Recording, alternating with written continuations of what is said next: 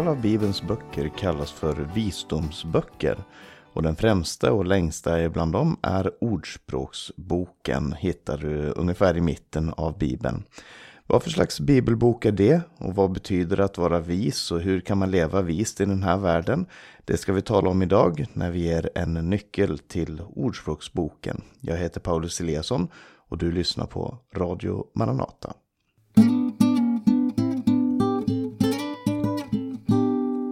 Det första jag vill säga om Ordspråksboken, eller Salomos ordspråk som den kallas på andra språk. Eh, det är någonting om, om eh, författaren och vilka som är mottagare och när det är skrivet och så. Lite grundläggande information. Och som sagt, den kallas för Salomos ordspråk därför att det är så boken börjar och säga det här är Salomos ordspråk, Davids son. Eh, men det är inte bara hans ordspråk som finns i den här Eh, boken. Eh, det nämns också i eh, de sista kapitlen om en agur och en Lemuel. Och det nämns också om den vise. Eh, och det man kan säga är att det här, eh, de här ordspråken eh, kan ha haft olika ursprung, inte bara hos eh, Salomo utan också eh, senare. Och att de samlades då under en senare tid. Man menar att eh, kanske under kung Hiskia att de här ordspråken samlades. Och mottagaren för den här boken, vem är tänkt som mottagare? Ja, eh, i kapitel 1 så är det någon som talar till sin son och säger Min son, lyssna till mitt ord. Lyssna till det jag har att säga. Och en tänkt läsare av den här boken är vem som helst egentligen som vill bli vis. Som vill lyssna på visdom som har blivit nedärvd och mottagen genom tiderna. Så det finns ingen specifik mottagare som i Nya Testamentets brev där det skrivs till Efeserna eller Galaterna eller så.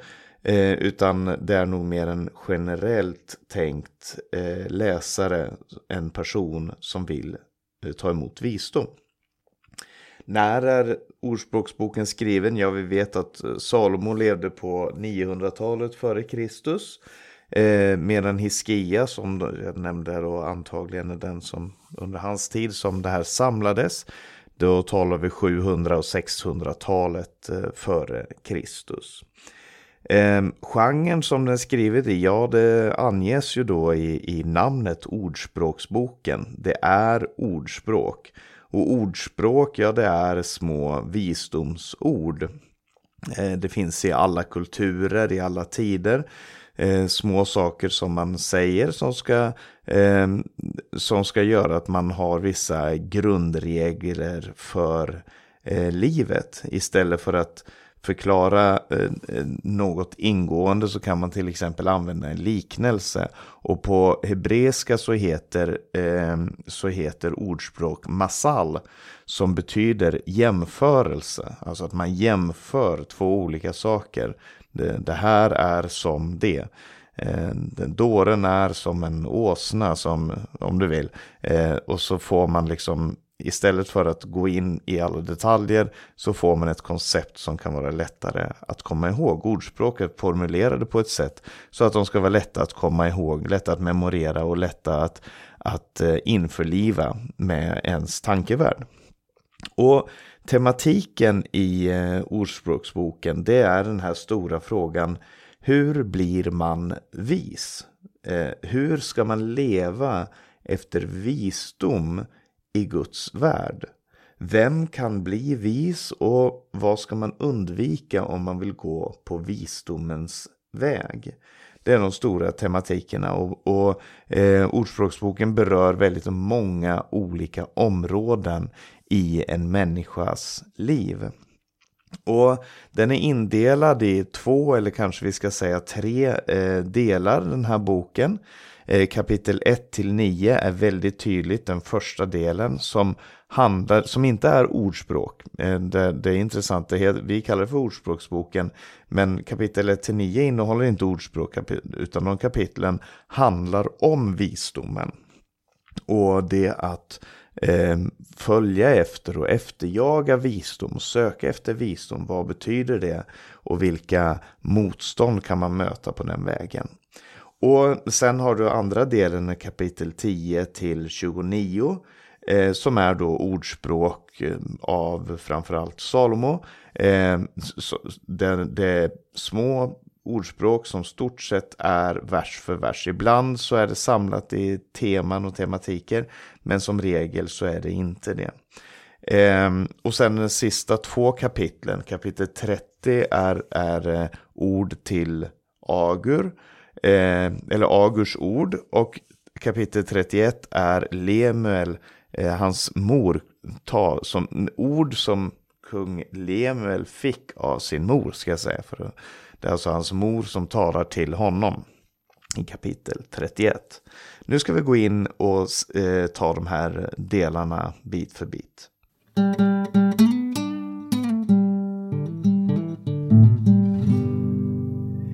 Kapitel 1 till 9 som sagt den handlar om visdomen och alla människor frågar ju sig själva direkt eller indirekt vad är det bästa sättet att leva i den här världen? Vad ska jag försöka bli? Hur ska jag försöka leva i den här världen så att jag kan hantera den på rätt sätt? Ska jag bli kriminell? Stjäla, råna, göra inbrott och så vidare? Ska jag bli en våldsverkare som, som eh, utövar makt genom att förtrycka andra, genom att eh, utöva ett våldsmonopol? Eller ska jag bli snickare? Ska jag bli hemmamamma? Ska jag bli sjukvårdsbiträde? Vad, vad är det jag ska göra för någonting för att leva i harmoni med Eh, den här världen för att uppnå det som jag är tänkt att uppnå. Och i det sammanhanget så eh, använder Bibeln det hebreiska ordet kochma. Kochma det betyder visdom och ordspråksboken som sagt handlar om visdom. Men kochma det har en, eh, en betydelse som är kopplat till det eh, som till exempel handlar om hantverk. När det står i Bibeln om, om eh, de två personerna som, som eh, byggde tabernaklet så står det att de hade visdom, kochma, att arbeta med guld, med trä, med järn, koppar och så vidare. Det var människor som, som helt enkelt hade eh, hantverkarförmågor. De, de förstod hur de skulle hantera ett material. Och när man tänker på det på det sättet så så handlar visdom om att förstå hur man ska hantera hela sitt liv. Hur man ska sätta ihop hela ens livspussel om du vill. Och där har Ordspråksboken någonting väldigt viktigt att berätta för oss som den faktiskt börjar med. I den sjunde versen i Ordspråksboken så står det så här. Att vörda Herren är början till kunskap, men dårar föraktar vishet och förmaning. Lyssna på det igen. Att vörda Herren är början till kunskap, men dårar föraktar vishet och förmaning. Alltså Gud har skapat den här världen med visdom. Det säger också Ordspråksboken att Gud skapade världen med kochma, med visdom. Och därför är, är det den som kan koppla sig på Guds visdom som lever, som kan leva rätt.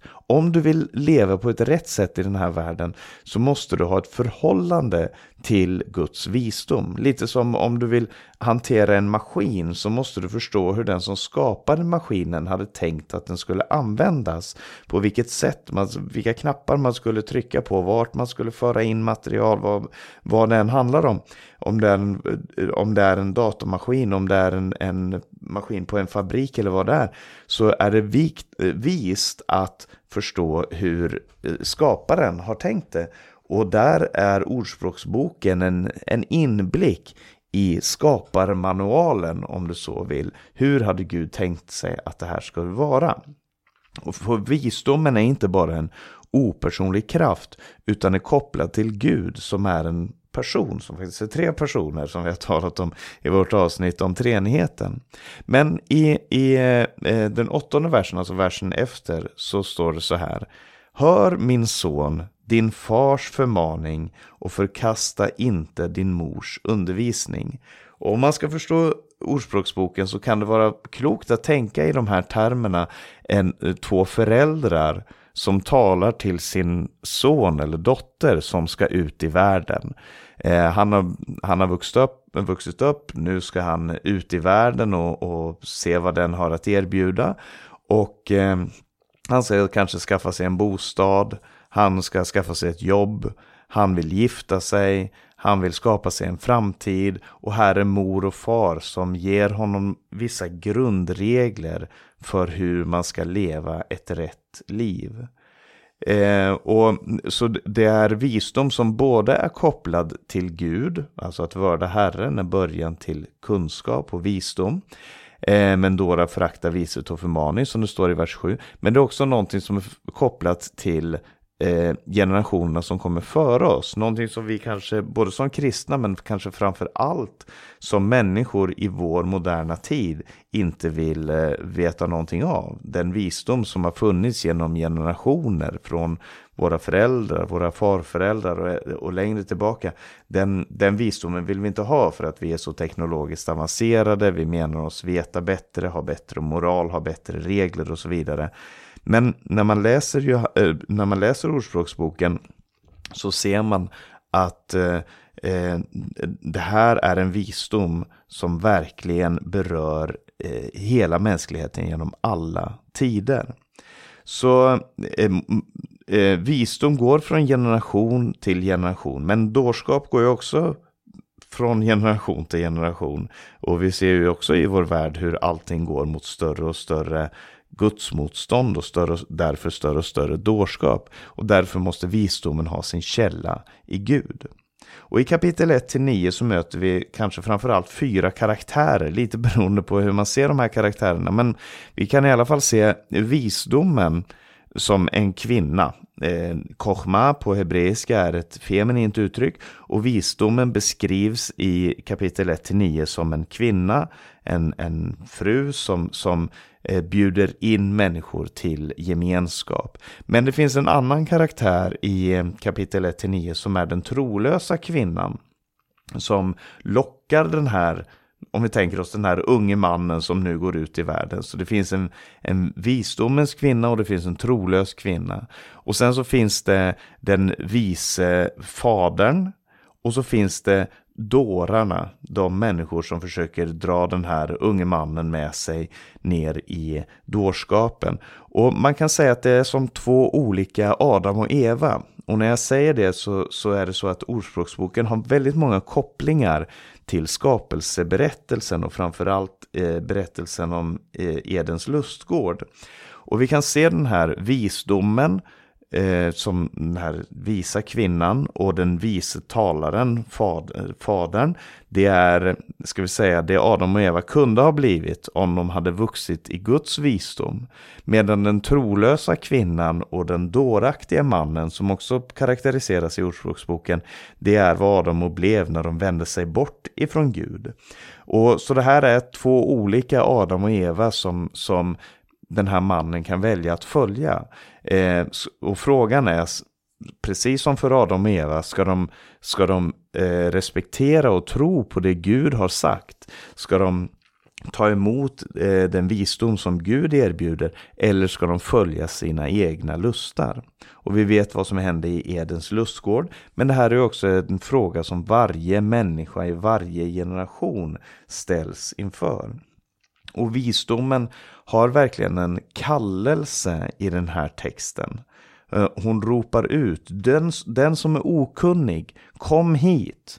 Alltså hon är helt opartisk. Hon har en inbjudan som går ut till alla människor. Hon säger inte ni som är ifrån Israel eller ni som är män eller ni som är av hög börd, ni som har mycket pengar. Hon, säger, hon ropar till alla, till fattiga, rika, vita, svarta svarta eh, och, och, och, människor ifrån alla etniciteter, alla bakgrunder, alla människor ropar hon ut och, eh, och har en kallelse till människan att söka visdom. Jag tycker personligen att kapitel 1-9 i Orsaksboken är otroligt spännande att läsa. Men det finns fler kapitel och de ska vi tala om nu.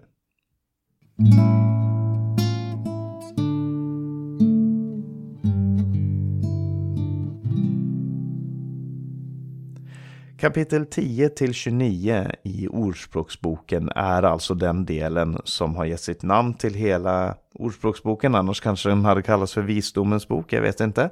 Eh, det är där vi finner själva ordspråken. Och när jag säger ordspråk så är det lite viktigt att vi känner till vad den här genren innebär. Ordspråk är för det första inte lag. Alltså lagtexten i Bibeln säger gör så här, annars kommer det här straffet. Och det kan låta som att ordspråken ofta är eh, lagar för att det står så här om du, om du vänjer den unge den väg han ska vandra så viker han inte av därifrån när han blir gammal. Eller gör inte, följ inte dåraktiga människor för då vill det gå dig illa. Men det är inte lag som i juridik. Eh, det här är utan det är mer då lag som i visdomens lagar. Alltså gör du så här, om du sätter handen på, i elden så bränner du dig det är ju inte en lag som säger att du, det är inte en lagtext som säger att du bränner dig när du sätter handen i elden, det är mer en naturlag. Och det här är visdomens lag som presenteras här i ordspråksform. Men det är alltså inte lagtexter. Det är heller inte löften och det är det väldigt många kristna tror jag som gör fel på. Eh, för att vi, vi ser det här som ett slags, en slags löftesbok. Gör du A, B och C så följer D, E och F. Eh, men det är inte det ordspråk är. Och ibland så behandlar vi ordspråk på det, sex, på det sättet. Ta till exempel det här ordspråket. Vän den unge den väg han ska vandra, så viker han inte av ifrån den eh, eh, när han blir gammal. Det är ett ordspråk, men det är inte ett löfte. Och jag har hört kristna som har sagt på fullt allvar att nej men jag vände honom vid den väg han skulle vandra och därför så, så kommer han bli frälst det här barnet även fast han lever i synd och lever utan Gud och så vidare. Det, det är inte ett löfte, det är en, en vägmarkering. Precis som vi kan säga, det finns inget dåligt väder, det finns bara dåliga kläder. Det är ju ett ordspråk vi har uppe i Norden, både i Sverige och i Norge. Eh, och det är ju inte ett löfte, det, är inte ett, det säger inte att det existerar inte dåliga väder. Det är klart det finns dåliga väder. En orkan, då hjälper det inte att du har bra kläder. Det det, det, det, det ordspråket försöker säga är, se till att du tar på dig bra kläder så klarar du av de allra flesta väderna. Eh, och, och eh, eh, en tredje sak som eh, ordspråk inte är, är inte, oh, det är inte profetior. Det är alltså inte ett så säger Herren, da, da, da, da, da. men det är samtidigt inte bara ett förslag, utan det är Gud som undervisar. Det är, det är en undervisning från Gud, given genom människor som har erfarit, som har, som har erfarenheter i, av sina liv, av generationer av liv. Och de förklarar vad, hur man ska leva rätt i den här världen. Eh, så ordspråk, vad är det då? Jo, det är visdom. Det är en grund att bygga sitt liv på. Det är en inriktning att ha i livet. Det är att stämma sin själ efter Guds toner. Och kapitel 10 till 29 det handlar om, det har många olika slags ordspråk. Det är många ordspråk till exempel som handlar om talet, hur vi använder vår tunga det är en viktig del och, och, och i Nya Testamentet så har Jakob, Jakobs brev ibland kallas för Nya Testamentets ordspråksbok. För att han har, dels så har han många ordspråk, han har många liknande sätt att uttrycka sig på. Men han talar också mycket om hur vi använder vår tunga och det gör ordspråksboken också. Så läs den här och tänk på det temat. Den har mycket att säga om familjeliv, hur människor lever tillsammans i familjen. Den har mycket att säga om arbete. Eh, den talar om alkohol, om hur man förhåller sig till starka drycker. Och den talar mycket om våra känslor, vårt känsloliv, om ilska, stolthet, lathet, lydnad, trygghet och så vidare. Eh, och den, Ordspråksboken är inte organiserad i ämnen så att du får 15 versar om ilska och 20 versar om, om stolthet. Utan det är ganska tvära kast ifrån ämne till ämne. Låt mig ta ett exempel bara ifrån Ordspråksboken 16. Från vers 31. Ska jag läsa tre verser, 31, 32, 33. Först står det så här. Grått hår är en ärekrona. Den vinns på rättfärdighetens väg. Det här är alltså ett ordspråk som säger var inte rädd för ålderdomen. Och så kommer nästa vers. Bättre en tålmodig man än en hjälte. Bättre styra sitt sinne än att inta en stad. Och den här versen handlar om tålamod, om självkontroll och vad som är eh, det viktigaste. Och så eh, eh, vers 33. Lotten kastas i knät, men avgörandet kommer alltid från Herren. Som ju då säger Gud är den som styr vårt öde. Eh, så tre verser, den första talar om ålderdomen, den andra talar om tålamod, den tredje talar om hur Gud styr ödet. Eh, och det här är text som man inte bara ska kasta sig igenom, det är inte en text som man ska läsa snabbt igenom, utan det är eh, text där du ska stanna till, där du ska tänka igenom, där du ska bråka lite med texten. Du ska ge dig i kast med texten. Tänk dig Jakob som kommer i, i strid med, med Herren själv i en brottningskamp. Ordspråksboken är en brottningskamp. Om du läser hela Ordspråksboken och tycker att det här det gick ju smidigt, här är jag enig med allt som står, då tror jag inte att du har läst noga eller ärligt. Fråga dig själv, är jag enig i det här? Vad vill han säga? Vilka situationer applicerar det här på? Har det hänt någonting liknande i mitt liv som jag, där jag behöver ta, ta vara på det här? Jag till exempel är 40 år och som 40-åring så ska man ju ha en 40-årskris. Men vad betyder det för mig att läsa den här texten? Grått hår är en ärekrona. Den vinns på rättfärdighetens väg. Det, det, eh, kan lära mig någonting om hur jag ska förhålla mig till ålderdomen. Eller kanske jag är en sån som vill vara en väckelsepredikant som vill se människor falla ner. Och när jag predikar så ska de falla ner i bön och gråt och omvända sig till Gud. Och jag vill starta en församling, jag vill starta en rörelse, jag vill få massa lyssnare på min, i mina radioprogram och så vidare. Men här säger, här säger eh, eh, Salomo, bättre en tålmodig man än en hjälte. Bättre styra sitt sinne än inta en stad. Och man kan, det kan vara värt att strida med de här frågorna. Eh, men Ordspråksboken har en väldigt grundläggande, inte enkel, ibland har jag sagt att den är enkel, men jag vill säga en grundläggande syn på verkligheten. För de här sakerna är inte garanterade. Det är inte garanterat att grått hår vinns på rättfärdighetens väg, eh, utan det är generella regler. Det är inte säkert att därför att du lär den unge den vägen ska vandra så kommer han inte vika av därifrån när han blir gammal. Utan det är generella regler och så är det mordspråk. Det kan du se också hos Jesus eller Jakob eller de andra som använder den här genren för att berätta någonting. Be så skall du få. Ja, det är fantastiskt, men det är inte ett löfte, det är ett ordspråk. Ibland händer det att vi ber utan att få, men det är en generell regel, sök Gud i bön, som Jesus sa dem. Och det finns minst två böcker till som analyserar ordspråksbokens påstående, den här enkla visdomen. Gör det här så följer det här. Eh, minst två böcker ska jag säga, för det är dels jobb och dels predikaren. Jobb handlar om hur ska man förstå eh, visdomen när man lider. Predikaren handlar om hur ska man förstå visdomen när allting verkar så förgängligt. Men jag skulle också vilja lägga till Höga Visan som är ett, tredje som är, ska jag säga, ett fjärde perspektiv eller ett tredje perspektiv på Ordspråksboken. Höga Visan som är, ibland eh, definieras som poesi, ibland definieras som visdom. Eh, och det är kärlekens lov. Höga Visan handlar om hur lever vi i världen när vi har fått uppleva kärleken och med det som utgångspunkt för visdom. Så läs inte Ordspråksboken för sig själv, läs den i ljus av jobb, predikaren och Höga Visan är mitt förslag. Nu ska vi säga någonting om de två sista kapitlen. I kapitel 30 så möter vi Agurs eh, visdomsord. Vi vet inte något mer om Agur, men han var tydligen en jude för han fann visdom i skriften. Han talade om Guds lag och Guds skrift eh, och han fann visdom i skapelsen. Han eh, säger så här i kapitel 30 och vers 5.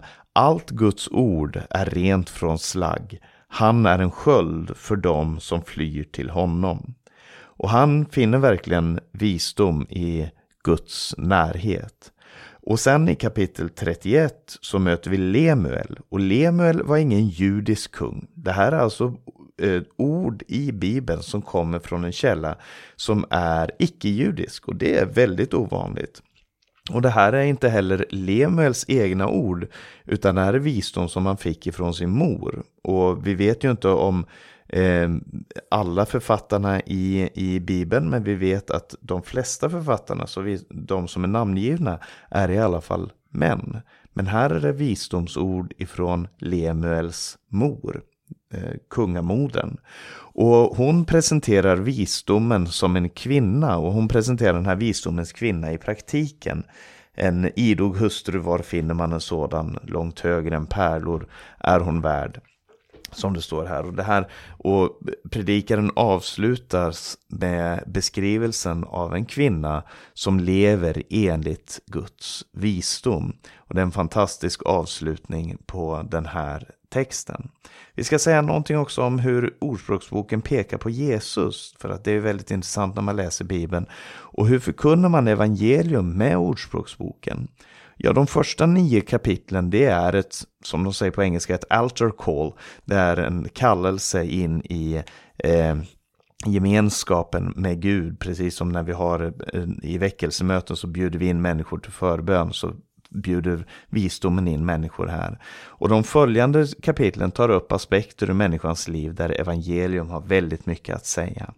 Hur pekar det på Jesus? Ja, Jesus använder ordspråksgenren i sin egen undervisning väldigt ofta. Jesus delar också karaktär med visdomen. Eh, hon säger, hon säger eh, Gud ägde mig redan ifrån begynnelsen eh, och så vidare. Det finns mycket, många likheter mellan visdomen och Jesus. Och I första Korinthierbrevet så står det att Jesus har blivit vår visdom. Och Jesus uppenbarar Guds djupaste visdom eh, när han dog på korset. Det som för världen är en dårskap men som är visdom för Gud. Så ta möjligheten du har och läs Ordspråksboken sakta. Kanske ett kapitel om dagen, det är 31 kapitel, det passar för en månad. Läs den här boken sakta i Jesu namn.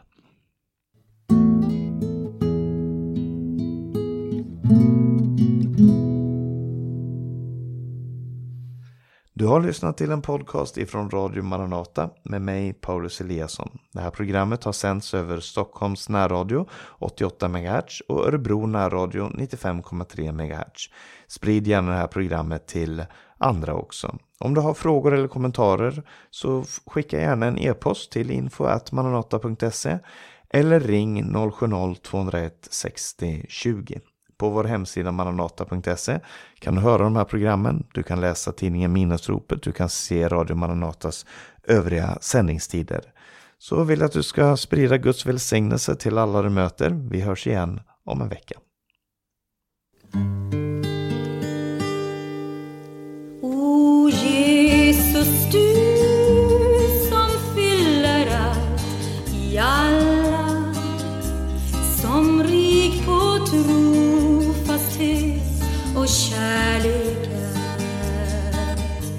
Jag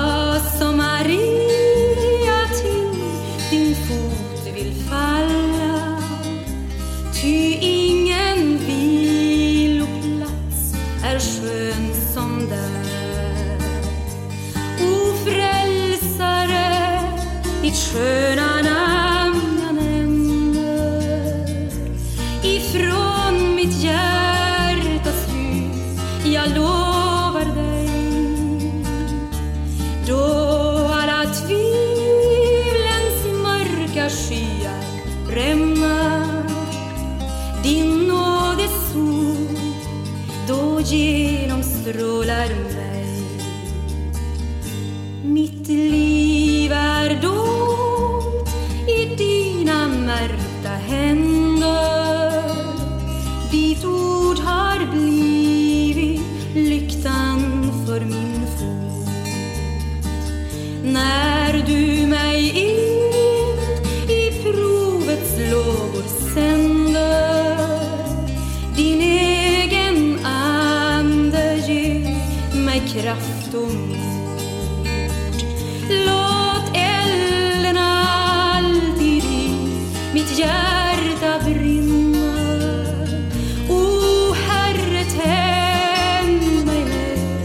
kärleksglöd. Så jag kanske är kvar ditt vid